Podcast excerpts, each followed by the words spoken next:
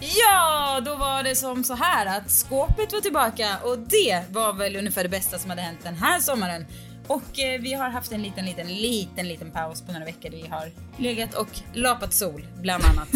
Men nu är vi där vi ska vara eh, med varsin mikrofon i handen. Det är så vi gör oss bäst. Det är Peppe som finns i eh, Stockholm faktiskt hej, hej. för tillfället. Vi har Johanna på en bergstopp i Frankrike och Cecilia Blankens i det gamla vanliga sovrummet i Enebyberg, Danderyd, Stockholm.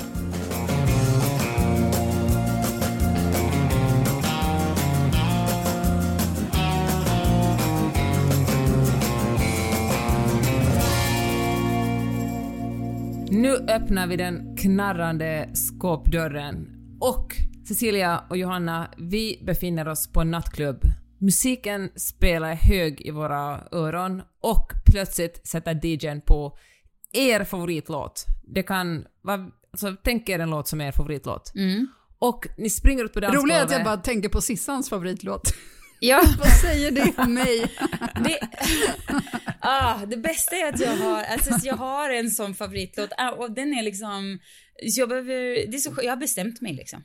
Ja, Ja, okej. Men kan du säga vilken det är så kanske vi kan klippa in en liten, en liten eh, ja, men det slinga av är, den. ju, det är ju Pata Pata med Miriam Makeba. Det är liksom världens bästa låt bara. Det finns ingen konkurrens överhuvudtaget. Den gör mig så glad varje gång.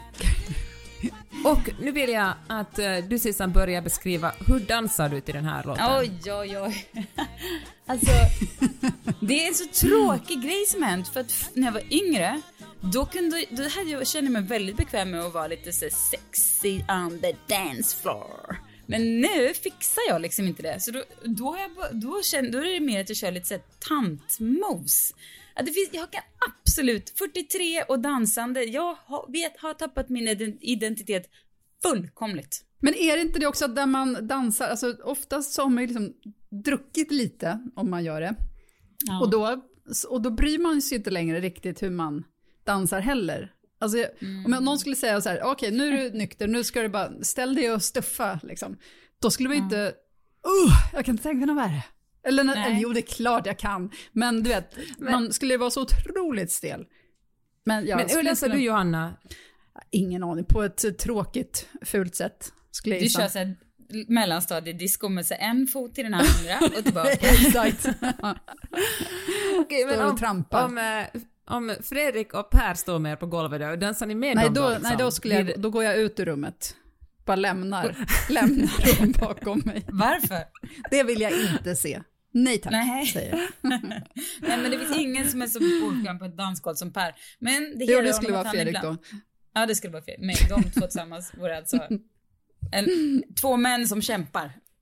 Jag går direkt till baren. Ja. Okej, för, för så här, grejen, det jag såg på ett eh, relationsprogram på SVT och där fanns en eh, parterapeut, sexolog, som sa att eh, det sättet man dansar med sin partner, vare sig det är den eh, första kvällen man träffas eller lite senare in, okej kanske inte liksom 10, 15 år, 20 år in i relationen, men i alla fall i början, det är det sättet man har sex med den här personen på.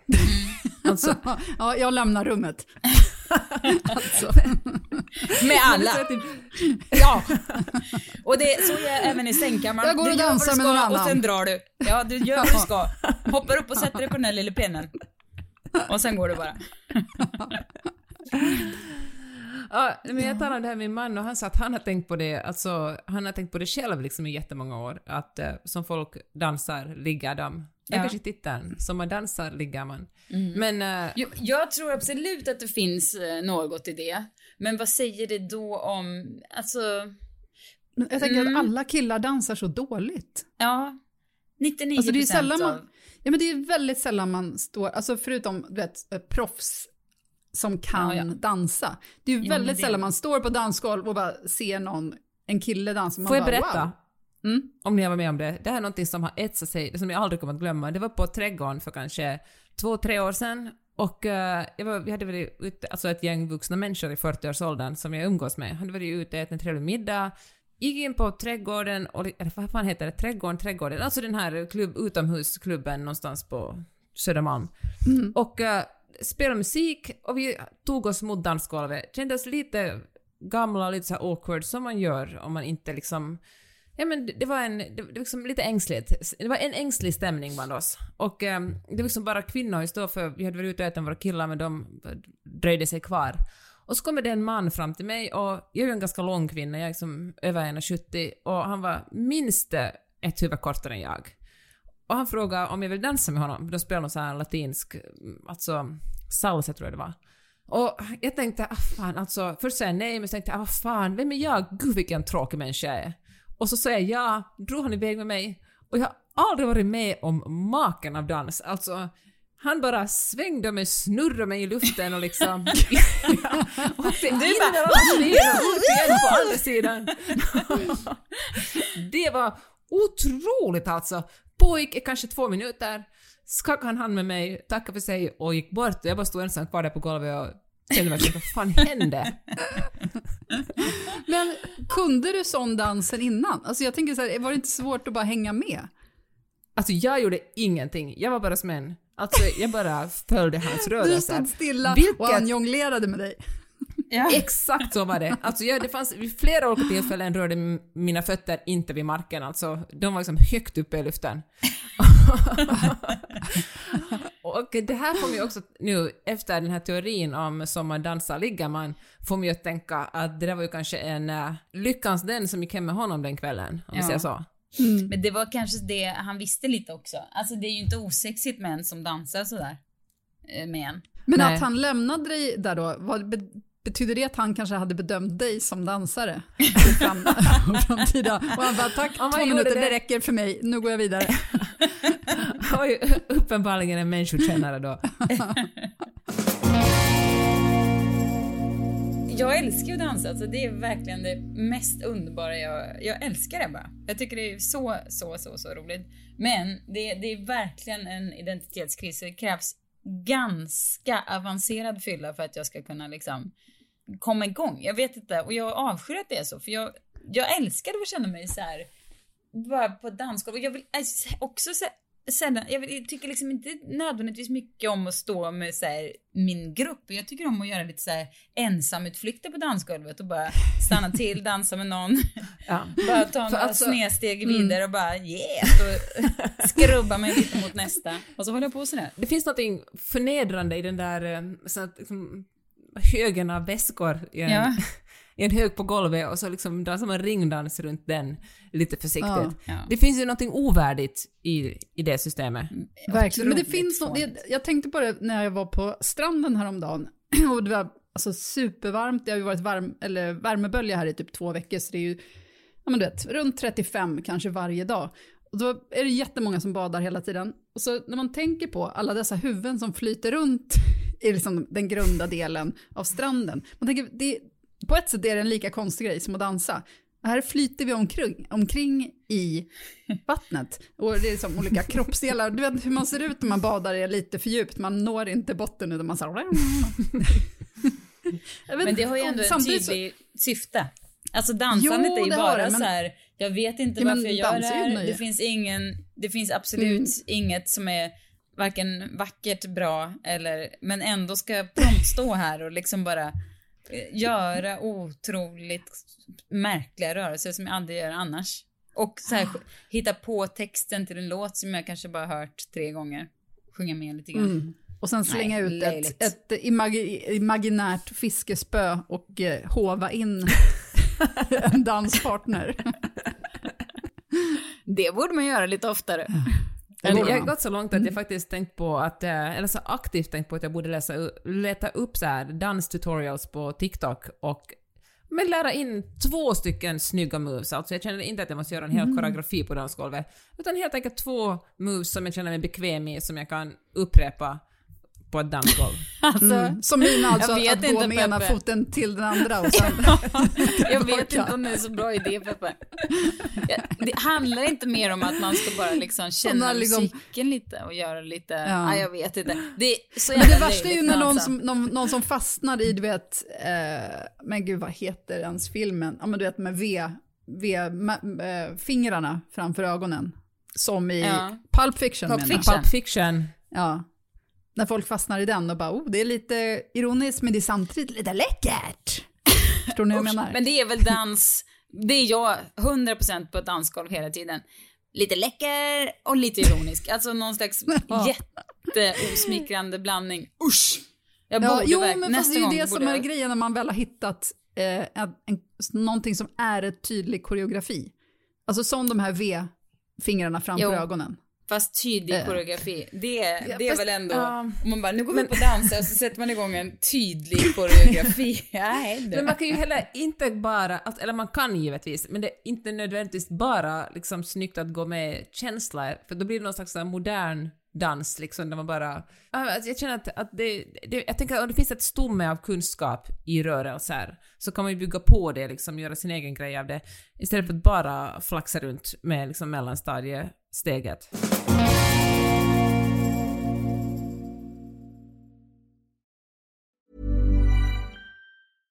Hiring for your small business? If you're not looking for professionals on LinkedIn, you're looking in the wrong place. That's like looking for your car keys in a fish tank.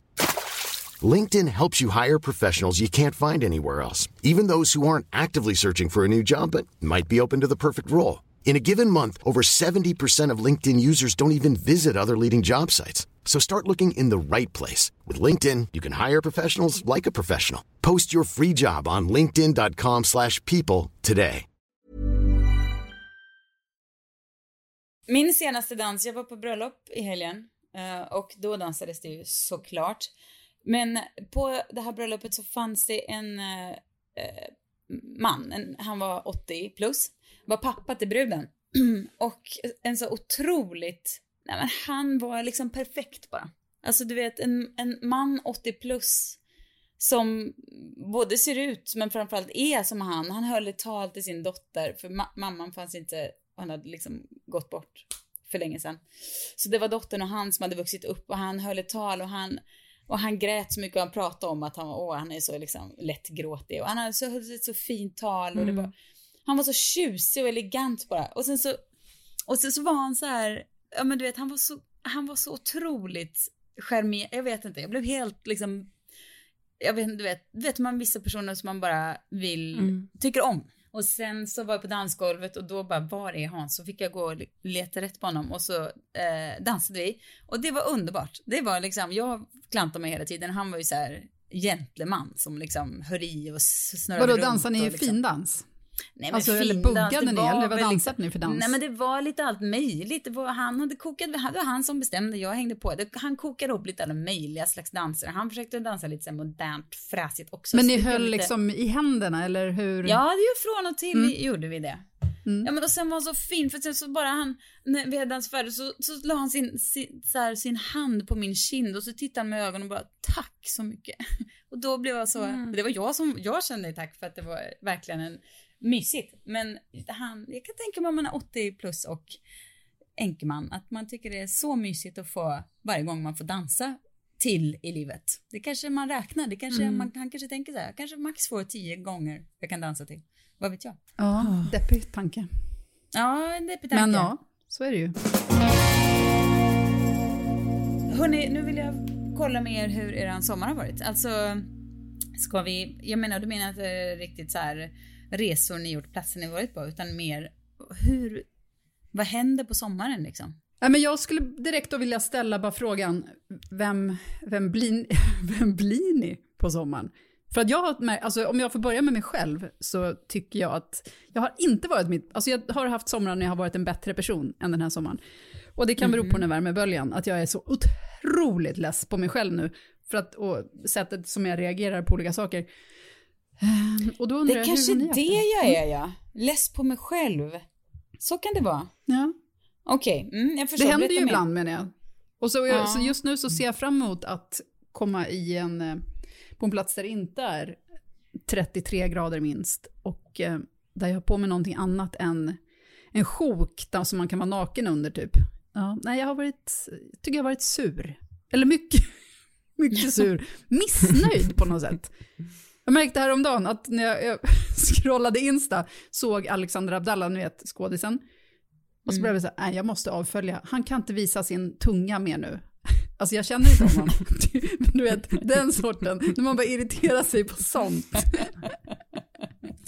Det är inte att han skulle bry sig för att, jaha, oj nu avföljde hon och undrar varför. Men, du vet, nej, då blir jag så less på mig själv. Han måste väl få visa sin tunga om han vill. Ja, men du måste verkligen inte följa honom. Nej, det måste jag ju verkligen inte. Men han är ju, alltså det är väl kul att följa honom på ett sätt. Ja, men du kan komma Men tillbaka. den där tungan står jag inte Ja, exakt. Med svansen mellan benen trycker du på ett följ igen om några veckor. Då återkommer När det svalnar i luften. Peppe, vem är du på sommaren? Jag är, alltså den här sommaren har jag varit väldigt, eh, jag har, alltså jag har haft så mycket känslor den här sommaren. Det känns som för varje sommar som går så blir jag känsligare, speciellt när vi är i Finland. För att eh, det blir så tydligt att eh, jag A, inte bor där längre och att jag antagligen aldrig mer kommer att bo där. Och eh, innan, eller i början på sommaren sa min kompis Maja, sa hon att eh, någonting i stil med att man kan antagligen räkna gångerna man får träffa sina föräldrar Mm. tills Mm. de dör. Mm. Och det blir så tydligt att, ja, så är det antagligen. Och det här har på något sätt, Alltså jag tänker att man kan se det på två sätt. Antingen kan man se det så här, då ska, livet är kort, livet ska liksom levas, fatta bra beslut och man ska liksom göra rent bord. Och det är kanske lite gjort också. Den här liksom, det har, min existentiella ångest har tagit sig uttryck att jag har Nej, men jag har liksom tagit tag i saker som har skavt. Jag har till exempel haft en, en, jag har haft en grej mellan mig och min syster som har skavt ganska länge. Och den här sommaren tog jag äntligen tag i det och det var, alltså, det var så skönt. Det var verkligen Åh. jättejobbigt med, i början, men nu känns det så bra. Och så tog jag tag i en annan sak som min, eh, min mamma fick en, en stroke för nästan tio år sedan och eh, hon har afasi så hon har väldigt svårt att uttrycka sig. Alltså jag kan prata med henne men hon har detta liksom, men hon hittar inte alltid alla ord och det går inte alltid fort. Och eh, hennes bror, min morbror, har, men han har inte varit så trevlig mot henne. Alltså han har genom de senaste åren varit, men han har, han har varit väldigt otrevlig och oschysst mot henne. Och, eh, och då tog jag tag i det. Alltså det var en dag när jag var extra irriterad på gubbar, vilket händer ofta, men den här dagen var jag verkligen liksom superarg. Och då stod jag upp och ringde honom och eh, liksom Först bad jag honom uppföra sig och sen bad jag honom att aldrig mer ha någonting med oss att göra, för att det ville min mamma. Och det var också, Men det var på wow. något sätt väldigt Mm. skönt att få det gjort. Att eh, det kändes som jag verkligen organiserar grejer som har skapat i livet, liksom både det ena och det andra hållet. Släpp, och släppa sådana där saker lite. Det är ju otroligt skönt att, ja, det är ju verkligen, det är typ det läskigaste man kan göra, men och det Mm. härligaste på samma gång. Alltså när det är gjort Mm. är det ju, wow. Men det Så, kanske är en sån här sommar, för att jag har också just det här att man inser hur, hur mycket man måste ta vara på dagarna och sådär. Vi har en granne här i Frankrike som, som är italienare. Jag känner inte honom jättebra för att han, han pratar italienska och franska och jag är inte så bra på franska och jag kan in, ingen italienska. Men han, de har nu sålt sitt hus för att han har fått bukspottscancer i buks, bukspottkörteln så att han kommer dö. Eh, Så de hållit på och rensat ut och det städat. Och då känner man också att även, alltså visst jag känner inte honom, men man känner ju med honom och hans fru och liksom deras son som har varit här. Att det gör ju att allting känns så extremt förgängligt. Sen våra andra grannar som är åldringar och franska, de, för de känner jag ju också, för de har känt de här personerna i 25 år. Och, och just om man är så gammal och ser någon, okej nu har vi sagt hej då, du vet. Usch, det är så Mm. hemskt. Förgängligheten. Ja, det är verkligen, men det där går ju knappt att ta i, eller det är ju så sorgligt. Jag menar Mm. det där att bara vara så här. Fast jag, jag tröstar mig alltid med det. Jag hoppas, det kanske inte stämmer, för jag träffade en tant på busshållplatsen för ett tag sedan som var 96 år och hon hade varit och hälsat på sin man som var 94 som låg på sjukhuset. Och eh, hon hade insett att han kommer väl aldrig hem igen och, eh, men det var så sorgligt för varje natt. Hon var otroligt tjusig. Så kände hon efter honom i sängen, det var tomt där och sådär. Då frågade jag henne så här, men du är det så att när man kommer upp i din ålder, får man en annan relation till att åldras och döden och så då? För att man på något sätt tvingas vänja sig. Och hon bara, nej faktiskt inte. Man bara, nej, fel svar. Åh, jag hade nej. liksom hoppats att man ändå skulle så här på något sätt så här komma till en punkt där man kanske kunde känna så här, ja, men nu, så, nu Nej, är det, alltså det är det jag, som jag tycker är jag värsta. är nästa och det. Ja. Ja. men jag tror ju att så som vi känner oss nu, alltså för, vet, nu så känner man sig också yngre än vad man är. Ja. Mm. Och jag tror att det är den känslan man kommer ha kvar. Och sen så kommer man ibland se sig själv i spegeln och bara, va? Hur hände det här? Du vet. Och sen Mm. är man plötsligt Jo. 85 om man har tur. Och så känner man sig fortfarande som samma person inuti om man har liksom huvudet kvar och man säger nej, fruktansvärt. Usch, ja. Ja, fruktansvärt men också härligt. För det Här är riktigt man... glä glädjepodd vi kommer tillbaka med. Nej men vänta. nu kastar jag det där fiskspöet och liksom drar tillbaka gott humör här i den här podden.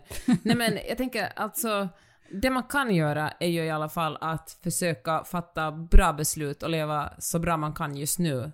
Inte skjuta upp det eller vara sådär att men någon annan får lösa det här för mig eller det är omständigheterna som gör att allt är dåligt i mitt liv. Utan istället liksom försöka säga att vad, kan, vad är det bästa beslutet jag kan göra just nu och sen eh, göra det. Ja, sant. Man får göra nu, man kan ju inte göra mycket annat än bara acceptera och liksom göra det bästa av det. Det är ju som vanligt det enda man kan göra på något sätt.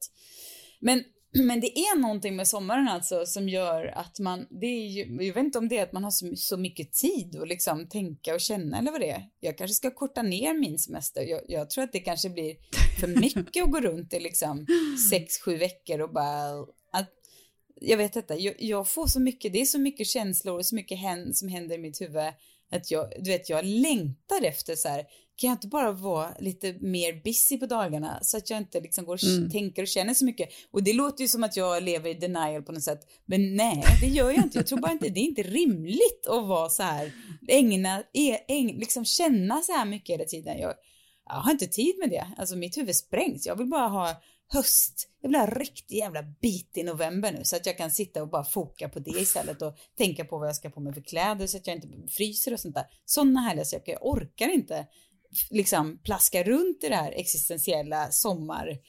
Uh, bördan. Alltså det är otroligt vad mycket det kräver av ens huvud. Det är liksom, så här är det ju varje sommar. Man älskar det men det är också hemskt alltså. Och bara känslan av att det tar slut, men man vill också typ att det ska ta slut.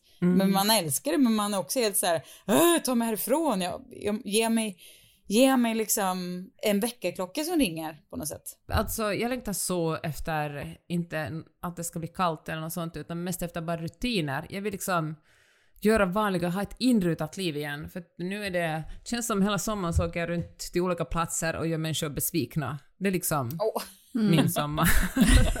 Det är väl problemet med att bo liksom långt bort och ha en sommarturné som bara måste uppfyllas. ja. Ah, ja, men vem har jag att skylla? Men hörni, ska vi, har vi lärt oss någonting av den här sommaren? Alltså, har, i allt det här tänkandet och kännandet, vad har vi kommit fram till? Jag har några exempel. Har ni? Mm. Ska jag börja med en helt harmlös som jag har Ja. lärt mig? En som är så enkel. Eh, Så här, jag, eh, jag kanske gillar majonnäs. Vad sa ni nu då? Jag har liksom alltid Spännande. känt så här att, nej men jag har känt att så här, majonnäs, yeah! Du vet, jag tänker på så här smörgåstårta och sen majonnäs som stinker och smakar majonnäs. Men sen berättar Kristin för mig att det finns majonnäs och det finns majonnäs. Om man köper till exempel Hellmans majonnäs eller någon som smakar lite mer aioli och inte så här majonnäs utan bara lite så här spritsig härlig sak. Det är också majonnäs. Jag älskar den. Så att med det, nu har jag ju börjat förstå vilka möjligheter jag har Det här här. är ju ungefär som någon säger så här, jag har börjat gilla äpplen. alltså, det, jag är glad för din skull Sissan. Nej men det, jag, så här, jag Ja. trodde majonnäs smakade på ett visst sätt. Så jag tänkte, jag gillar inte majonnäs. Jag har lärt mig i sommar att det jag trodde, det är liksom billig skitmajonnäs. Som inte, som smakar majonnäs. Men en riktig majonnäs, det är en helt annan sak. Så nu gillar jag majonnäs. Och jag vill bara känna, ni förstår möjligheterna. För det är så mycket man bara, uh, majonnäs, alla röror och grejer bara blä, blä, majonnäs. För jag bara, uh, majonnäs har haft stort, bara blä. Nu är det som att jag går in i en höst där jag ska bada i majonnäs. Jag ska äta så mycket majonnäs, prova mig fram. Möjligheterna är oändliga. Ja. Ja. Så det var, jag vill säga, jag vill berätta det för att det var en, nej, jag är spänn, jag är peppad. Majonnäspeppen is strong. Hashtag inte all majonnäs liksom. Min starkaste känsla gentemot majonnäsen när jag pluggade i eh, Holland och eh, på vägen hem från, från liksom nattklubbar så då kunde man köpa så här riktigt uh, tjocka pommes frites ur, ett, ur en lucka i liksom en vägg som Ja. hette typ Demour. Och sen doppade man det i majonnäs och det var, mm, perfekt fyllemat. Exakt, och det här är typiskt sån sak jag inte hade köpt för jag bara, nej jag gillar inte majonnäs. Men framtiden, jag tar den. Jag köper den. Gå Jag fram till väggen. Men du har ju älskat aioli jämt. Jo, Men det är ju aioli. Men- det, den Jo, men det är smakar ändå vitlöksmajonnäs. bra Jo, exakt. Men det, den smakar ju inte sån här äckelmajonnäs som jag...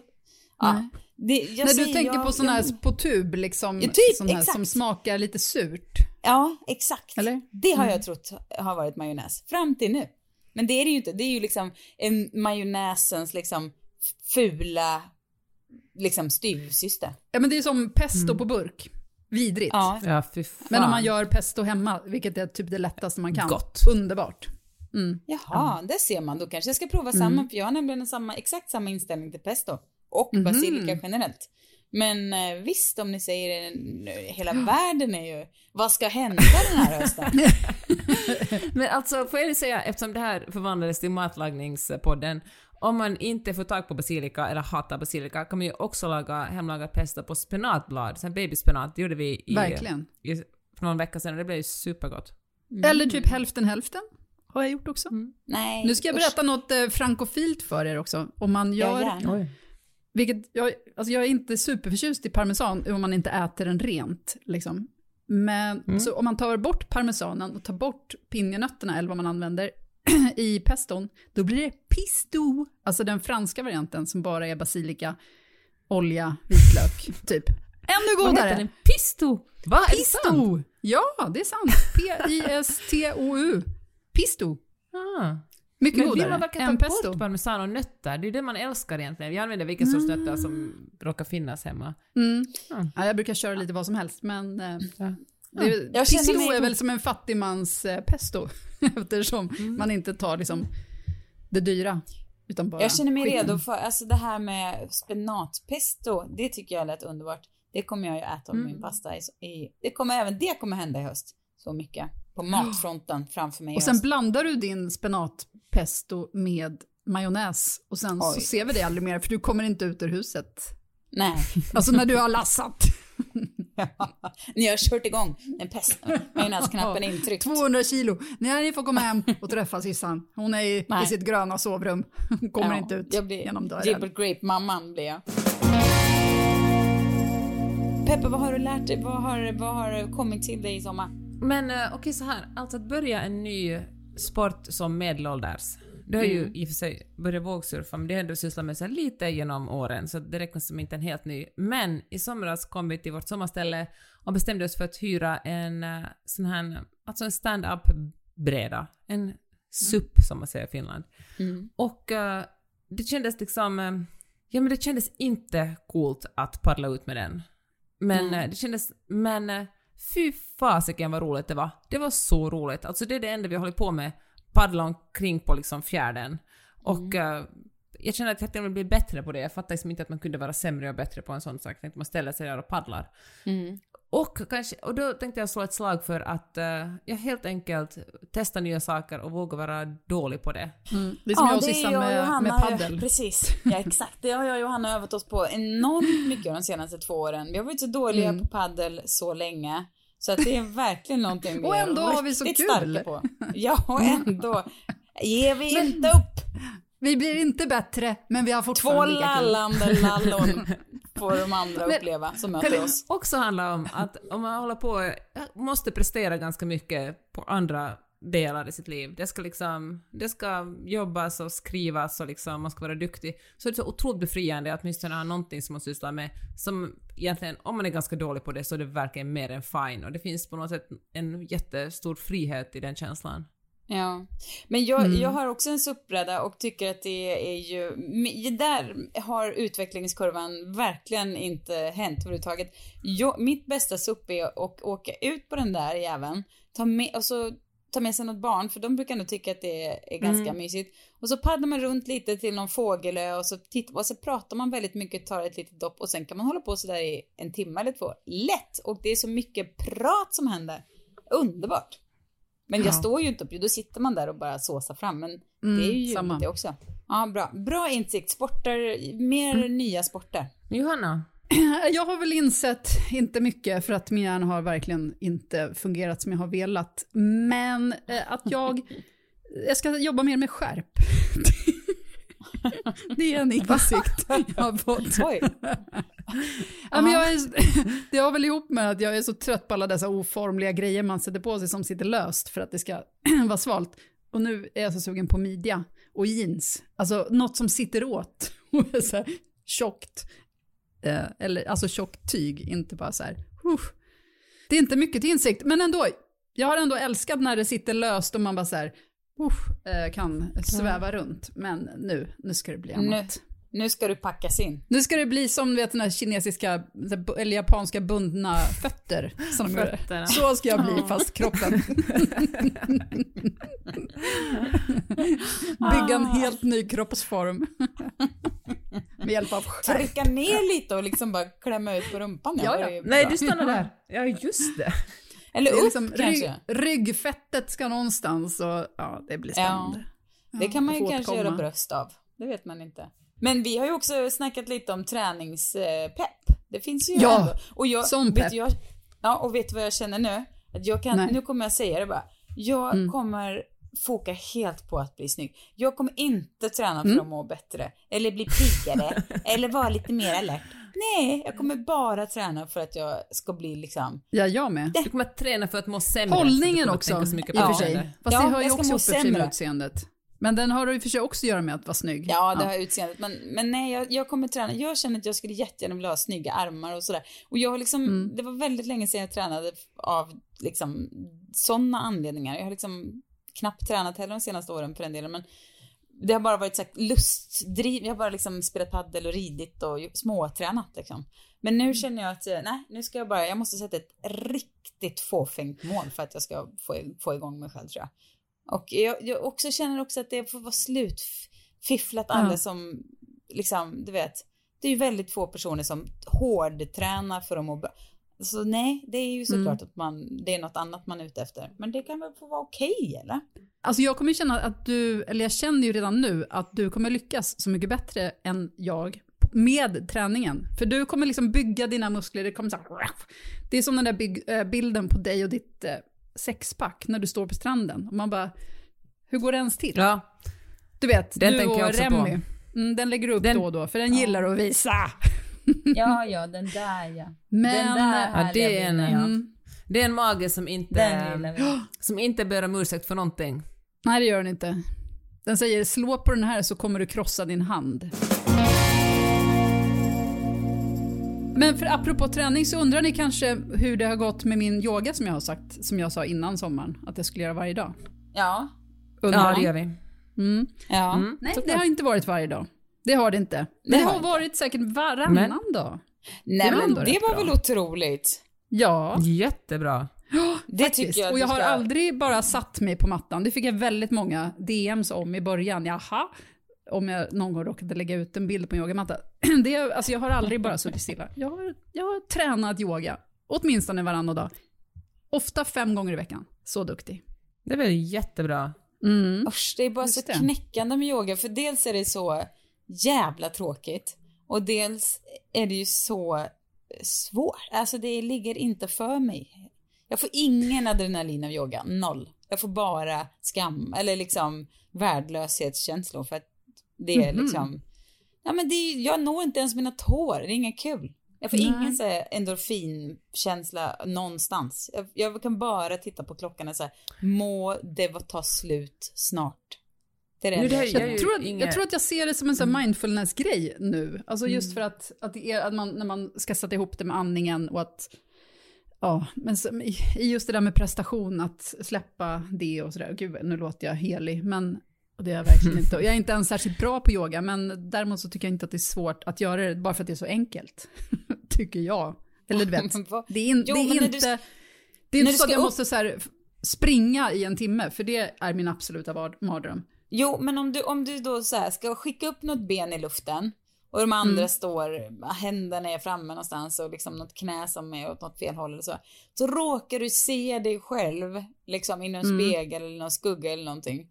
Och, och bara drabbas av ovärdigheten av att liksom att vara en så här, en så här, någon slags skal, skalbagge på rygg, liksom känsla. Man är helt, nej, då, det Ja. är liksom, det är en sport, jag, eller det är en, en aktivitet jag, inte vill vara så här mm vad jag är dålig, vad bra det känns. Det är ju inget kul.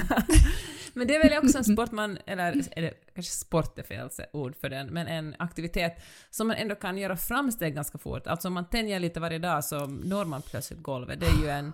Det är ju så tråkigt. Det är mest Mm. överskattade som finns i yoga. Det, är, det finns ingenting som är mer överskattat än yoga. Men en annan sak som jag har tänkt mycket på i sommar, som jag verkligen känner att jag liksom har en känsla för till hösten. Eh, det är så här, dels så vill jag bara eh, igen först säga att har ni sett den här reklamen på tv för Sverigedemokraterna? Nej. Nej. Jimmy Åkesson, han står i alla fall och tankar. och den är så jävla utstuderat gjord för att liksom hans väljare, för att träffa hans väljare. Han står och tankar och så ser han ut som en, du vet, ja, som en vanlig, väldigt relaterbar människa. Och så säger han så här, 1300 kronor för att tanka en vanlig Volvo, så är det någon gammal Volvo, förmodligen inte hans. Eh, ska det vara så? Ja, så blir det om man röstar på Sverigedemokraterna. Men om du röstar på mig så blir det på ett annat sätt. Alltså det tycker jag är... Alltså, Va? så du menar rösta på alltså. Socialdemokraterna? Socialdemokraterna. Typ. Ja, Ja. sa jag inte det? Sa jag Sverigedemokraterna? Nej, Sverigedemokraterna, så blir det om du men röstar på Socialdemokraterna, men om du röstar på Sverigedemokraterna så kommer det bli liksom annat så här. Vilket är så här, kan han bara liksom, hur kan man vara så dum i huvudet att man, Men- liksom, Ja, Men det är ju hans Men väljare som inte- är problemet. Det är ju att han pratar till sina väljare och de bryr sig om det, att det är den största grejen. Fruktansvärt. Att så många är så idioter korkade. som tycker det. Det finns så många andra saker och det kanske är Exakt. privilegierat att säga det, men det skiter jag fan i för det spelar ingen roll hur privilegierad eller inte privilegierad det skulle vara så är det ändå idioter som bryr sig om bensinpriset först och främst. Jag förstår absolut när man bor i norraste Norrland att det är så, men inte annars. Men i alla fall. Men kör inte Moderaterna på exakt samma grej när de säger, när um, vad heter han, Ulf Kristersson säger att eh, ingen ska behöva ändra på sina, sin livsstil Nej. på grund av klimatet. Ja. Alltså det är väl ändå Åh, exakt samma sak. Alltså det finns väl Det ingen skillnad mellan det utlåtande och eh, Moderaterna och uh, Sverigedemokraterna. Ja. ja, men tyvärr kan man ju då inte överväga något parti på, på högersidan överhuvudtaget på grund av de där två idioterna. Alltså, det spelar ingen roll om Liberalerna så skulle ha världens bästa skolpolitik. Tyvärr, det går inte. För att Nej. tyvärr, det är liksom, de har blivit komplett dumma huvudet på den där sidan. Allihopa. Men i alla fall, med det, irritationen mot eh, i, i ett kommande val och Sverigedemokraternas idiotpolitik som inte ens handlar om det. De vill ju bara ha makt. De bryr sig för fan inte om bensinpriset heller. Då, och så lyssnade jag på Diamant Salihus sommarprat. Där han berättade om, eh, ja, han har ju skrivit böcker om eh, gängvåld och sådär. Och så berättade han om hur han, hur han då kom från Kosovo som liten och att det fanns en man som hette Nils.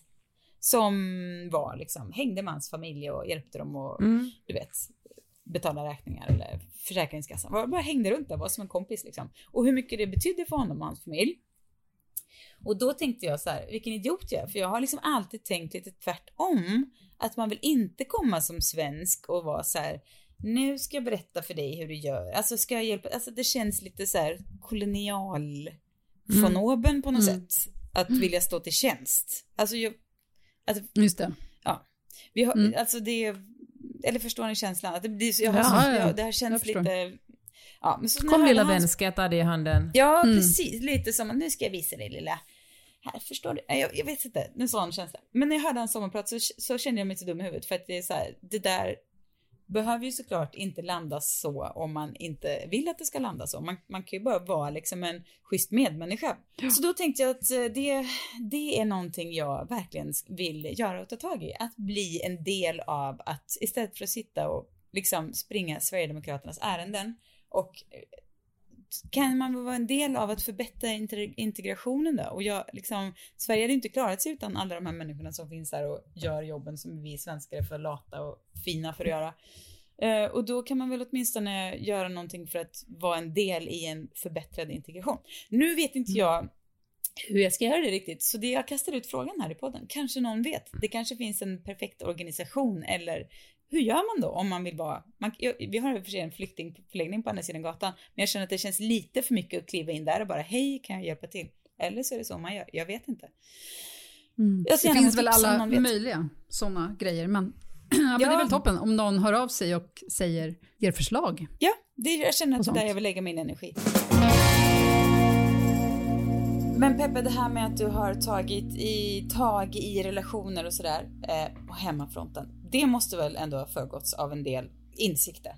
Ja, alltså jag har verkligen känt mig så lättad. För det är saker som kanske inte har varit så akut jobbiga, men eh, när jag äntligen, men som ändå har liksom, det, det har verkligen stört, irriterat mig. Och, har det behövde göras. liksom. Ja, precis så känns det. Och, och jag tror att det var så känslomässigt tungt för mig i början. Jag tänkte väldigt mycket på döden i början av, av sommaren och liksom i början av min Finlandsvistelse. Men eh, efter att jag redde ut det kändes det som, det kändes som jag kunde verkligen göra någonting konkret för min mamma, för det tänker jag också mycket på, vad kan jag göra för att hon ska ha det så bra som möjligt. Och eh, det kändes något som jag gjorde någonting för min syster och mig när jag äntligen tog tag och pratade med henne om det som hade, som hade var skavigt mellan oss. Och eh, för fan vad jobbigt det var. Men, eh, men min insikt är väl det att uh, fan tiden går fort. Det är väl lika så bra att bara kavla upp ärmarna och ta tag i, i saker som känns jobbiga och, och prata med folk. Bra. Jo, när, du, när du i sommar gått och eh, bråkat med folk till höger och vänster, har du gjort det i en liten magtröja har jag noterat. Ja, det, så, Jag det har jag gjort. gjort, gjort eh, lite samma sak. Eller jag har, haft- hade, jag har liksom en liten topp som är, Mm. Lämnar en liten glipa och som är, jag känner mig, ja det, jag vet inte vad jag känner. Men jag tycker att du klarar det väldigt bra Peppe, men jag vill också säga att generellt vet jag inte riktigt om det inte är någonting som vi ska låta liksom kidsen få hålla på med. Jag, jag kan inte, samtidigt som jag in, ja, jag vet inte. Jag, jag känner mig så splittrad i det här med Ja, alltså, det, är i väldigt, magtröja. det är ett komplicerat plagg för att det finns ju, det känns som att oavsett ålder så finns det bättre och sämre, alltså, nej usch, jag låter vidrig. Kör, Ja. det här är en virrig podd. Nej men så här, eh, jag skulle till exempel inte vilja se mig själv i magtröja. Det skulle inte vara, det skulle inte vara kul. Eller det skulle möjligtvis vara lustigt, men det skulle inte vara snyggt. Jag har liksom inte, ni båda har ju Men så här, måste saker super- vara så jävla snygg? Nej men måste saker vara så jävla Ja, snygga men man vill väl känna sig bekväm åtminstone. Jag skulle känna mig som att jag behövde gå och dra i tröjan hela tiden. Men jag måste säga att alltså det som jag genuint får saker som är på lika gott humör när jag ser liksom Gen Z, alltså unga människor som inte är Kate Moss-smala som har magtröja. Det Ja. jag tycker jag det är så ja, snyggt men det handlar ju om att hur man, hur man har på, alltså hur man bär upp det. Om man ser obekväm ut i det, då, kan man, då ska man välja ett annat plagg. Men om man, alltså, om man går runt och bara, tjena, här kommer jag, här kommer valken, här, valken kanske, trä, du kanske träffar valken före du träffar mig. Det är helt okej. Alltså, jag skulle inte känna mig bekväm och jag skulle inte se klok ut i det. Därför. Förstår ni vad jag menar? Men, nej men jag förstår vad du menar. Eh, Men Mm. jag, jag har tänkt mycket på, när jag har tänkt på det här med magtröjan, som jag tydligen har gjort jättemycket i sommar, jag har tänkt på så mycket Mm. konstiga saker. Då, då har jag tänkt, känt sån tacksamhet till våra, våra yngre generationer som bara har liksom och så känt tacksamhet mot TikTok och så här som, ger så, och som Mm. verkligen har liksom banat väg för så här alla får ha magtröja och det är ingen som ens Ja. liksom, ö, liksom funderar, ö, liksom jag kollade på Love actually häromdagen, det var inte jag som satte på filmen, det var Per, hans älsklingsfilm. Eh, och vi hade den på DVD och vi hade inget wifi. Dansade han samtidigt? För då måste jag backa ut ur även detta rum. Alltså lågnig. Men, ah, och då, eh, då, vad heter det, så, då, då, då tänkte jag på ändå vilken jävla skillnad det är, för där är det ju liksom Mm. varenda skådespelare så otroligt smal. Och hon, även hon som ska vara tjock, alltså prime minister. Mm, städerskan. Ja, Mm. precis. Natalie. Hon Mm. är ju jättemal. Men hon, ska, hon är ju så tjock så att det är liksom bara inte klokt vad tjock hon är. Alltså Ja. pratas det om så här.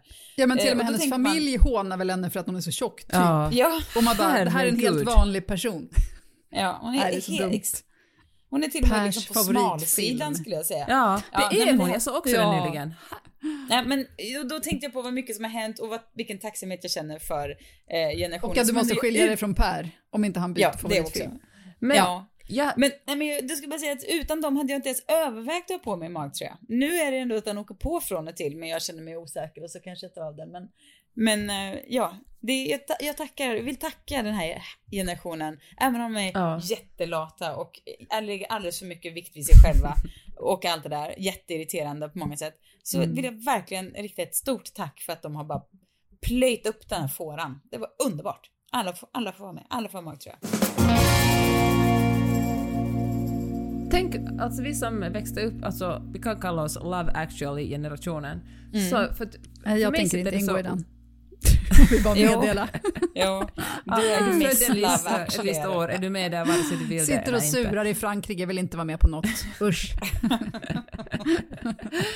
Men alltså för mig, jag har verkligen fått kämpa med att ha en magtröja, för jag tycker att den magtröjan är så snygg. Och så fan köpte jag den och så bestämde jag för att jag ska ha, alltså om jag köper någonting måste man ju ha på det, klä sig i det också.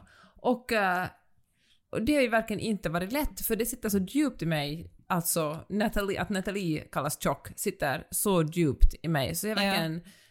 Och parallellt med känslan, är fan kärring, är inte du lite för gammal? Samtidigt Ja. som en annan röst Ja, säger men att du är verkligen inte en person som tycker att någon annan är för gammal för att ta på sig något. Alltså, fan, folk ska väl få klä sig som de vill, till och med jag. Alltså så här, fast jo, jo, jag kan absolut tycka det. Jag kan absolut, du vet, när jag var på festival här i somras så kän- tänkte ganska många gånger så här, är inte du och du och du lite för gammal för det här och det här? Men jag säger Och då om dig inte. själv eller om folk du såg? Ja, absolut folk om, du såg mig där? själv. Ja, men det var ju jättemånga olika åldrar. Mycket, många människor som hade liksom tagit på sig sina festivalkläder, du vet. Men vadå, och då kände Mm. du, ska du verkligen vara här? Du är för gammal. Men sådana ta, fulla ha tankar på får dig det där. Nej, ska du verkligen ha på Jaha, dig ha det på där? dig. Ja. Jaha.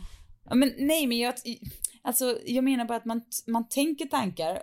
Första tanken kan ju vara det och sen landar den och så är man så här, ja, ja, men och så tänker man på den en gång till och tänker så här, ja, du ser inte klok ut, men skitsamma, du ser ju glad ut så jag älskar Som att när du man gör ser det. en ful bebis och sen så bara, äh, vänta, nej det ska jag inte tänka.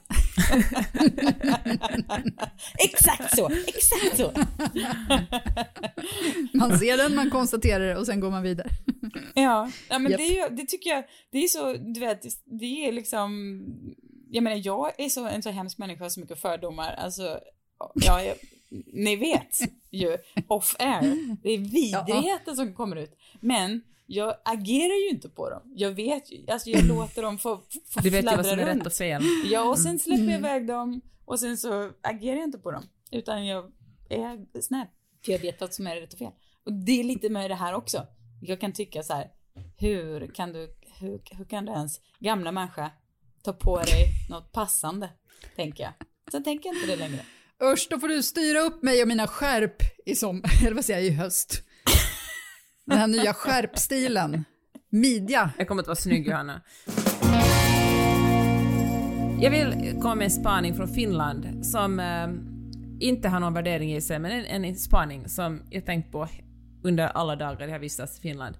Och det är att eh, finländare, alla åldrar, då främst kvinnor, så har 80% på sig någonting från Marimekko. Alltså, Jaså, det, är det sant? det det är så? Det är så. Det är verkligen så. Jag har liksom sampel från Helsingfors, Åbo, Ekenäs och Hangö. Och Finlandsfärjan. Är det Jag andra trodde åldrar Marimekko var ganska dyrt. Alltså jag ja, det äger kanske inte Marimekko, Marimekko. men för det första är vi finländare rika som troll. Vi är de nya norrmännen. Nej, det skojar jag. Fan vet jag. Alltså folk kanske man, man har kanske en syn på kläder man investerar i ett Marimekko-plagg och sen bär man det hela livet eller ärver det. Liksom. Jag, jag, jag tror verkligen att Marimekko är ju verkligen värdefullt, så man tar kanske hand om plaggen. Och eh, alltså, ja, alla, det finns ju jättesnygga Marimekko barnkläder och sen finns det liksom eh, också kläder och, alltså det, väskor räknas också, det finns väldigt många Marimekko-väskor på stan kan jag säga. Ja, det finns det ju i och för sig även i Sverige.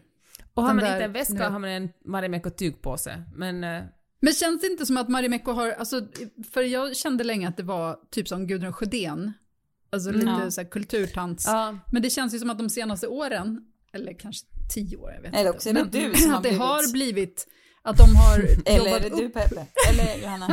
Nej, men jag Jag äger som sagt inget från Marimekko. Men jag tänker Nej. att, att man Nune. ser det... precis. Men Oh, de har har de mycket skärp eller? skärp. Då är det jag som går dit. precis. nej men eh, jag började faktiskt sommaren o- helt omedveten om min egen, alltså när spaningen kom efter, typ, så köpte jag en, en jättesnygg uh, sån här badrock åt min mamma från Marimekko och eh, var ju supernöjd med mig själv. för att jag gjort det för jag tyckte den var så fin. Men, jag, men alltså jag har själv svårt för Marimekko-kläderna. Alltså jag har, äger faktiskt heller ingenting i Marimekko för att jag Alltså det känns inte som min stil. Men jag har många borddukar till exempel. Jag har haft gardiner i mitt förra hem från Marimekko, så det är verkligen en... Ja men Marimekko finns tror jag i väldigt många finländska hem. Mhm. Ja, då får man säga grattis till Marimekko. Bra jobbat. Ja men tänk vilken branding alltså, att det verkligen kunde knyta sig så starkt ihop med den finska identiteten. Verkligen. Det är väl ett otroligt bra jobb. Har Och vi något motsvarande i Sverige? Svenskt Tenn kanske? Men det är väl ändå inte Mm. riktigt samma. Det är ändå väldigt dyrt.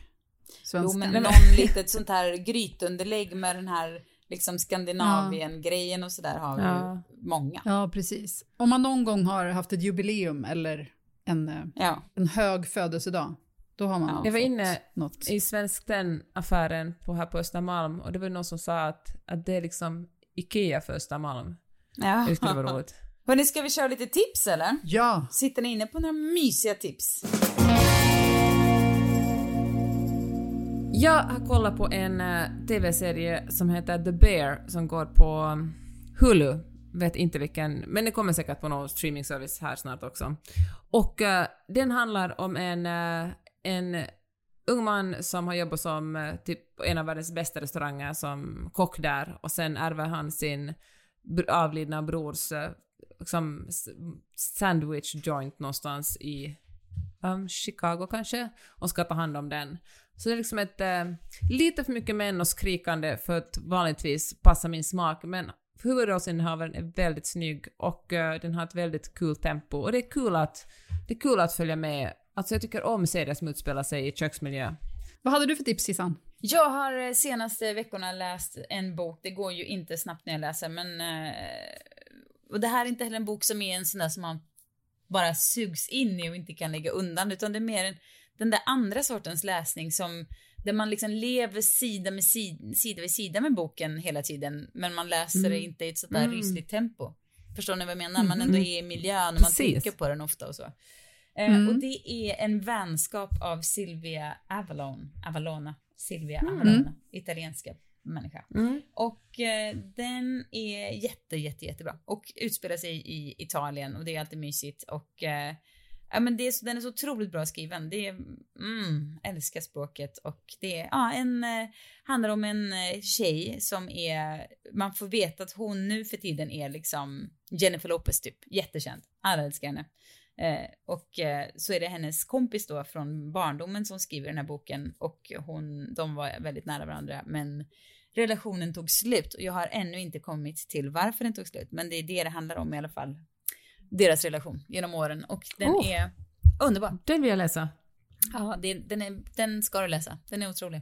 Mycket mysig. ska jag bok. kolla in. Eller mysig, men inte mysig. Jo, mysig, intelligent, målande och jag vet inte. Ja, man, man lever, den blir som en, man har den världen i sig under tiden Mm. man läser. Och det är Mm. härligt. Känsla. Kul. Jag har läst otroligt mycket den här sommaren, men den som jag tänkte rekommendera är en bok som heter Less, som är skriven av en kille som heter Andrew Sean Greer. Eh, Har ni hört talas om den? Mm. Nej. Nej. Den vann tydligen eh, Pulitzerpriset typ 2018 tror jag. Men jag tycker att det är så konstigt att den är så okänd ändå. Eh, jag har en kompis som tipsade mig om den och det var därför jag hittade den. Men den handlar om en man som ska fylla 50 och hans ex ska precis, ska liksom gifta sig med, med sin nya kille och eh, så den här mannen bestämmer sig för att okej, jag tackar ja till massa uppdrag. Han är författare och reser Mm. runt i världen. Och eh, den är liksom, nej, den är otrolig. Den är liksom rolig, intelligent och eh, väldigt mörk och samtidigt Ja, men det är väldigt, när det både är direkt och samtidigt är lite flytande, att den hoppar i, nej nu låter det som att det är så komplicerat det här, den är inte komplicerad. Det är en jättebra Det bok låter heter Less. jättebra. Mm, Jag beställer Kolla den, in den. bums. do Hörni, it. får man kolla, ja, medan vi har haft eh, poddpaus har jag gjort en annan podd som är en helt, helt annorlunda än den här. Den heter ehm, Vad vi vet idag och är fem minuter långa klipp om ett aktuellt ämne. Eller ett ämne, det är superaktuellt. Man talar med en expert, typ vad är grejen med Ryssland? Var, varifrån kommer blåalger? Uh, vad är det, varför, varför är BDSM så bra? Fem minuter lär man sig nytt om ett ämne och någon expert berättar om det. Det där är jättebra. Det har jag tänkt på att Smart. jag ska... Det, är- sånt där älskar jag när man får liksom... Um, the Daily typ, fast Mm. fem minuter låter ju optimalt. Så eh, det, det här ska jag gena, det har jag tänkt på att det här ska jag börja prenumerera på. Jag har inte gjort för jag är en, generellt världens sämsta poddlyssnare. Uh, lyssnar inte ens på min egen podd. Men nu ska det bli ändring på det. Yay. Hörni, Härligt hörni. Vi är igång igen. bra att vara tillbaka. Vi är Ja, igång! Vi ses snart! Vi hörs Ja, det gör vi vi. verkligen. Det gör vi. Ha det bra. Tack för den här gången. Tack för att ni lyssnade. Hej! Hej då!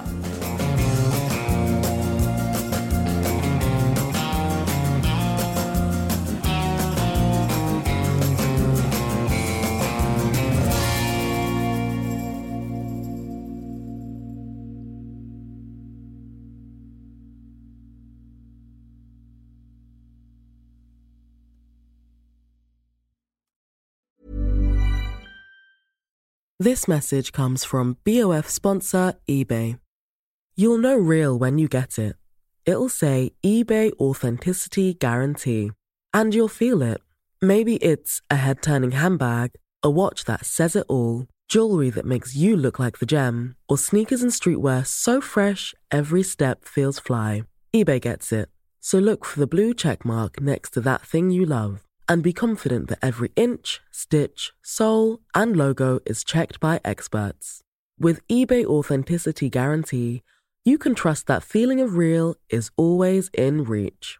Ensure your next purchase is the real deal. Visit eBay.com for terms.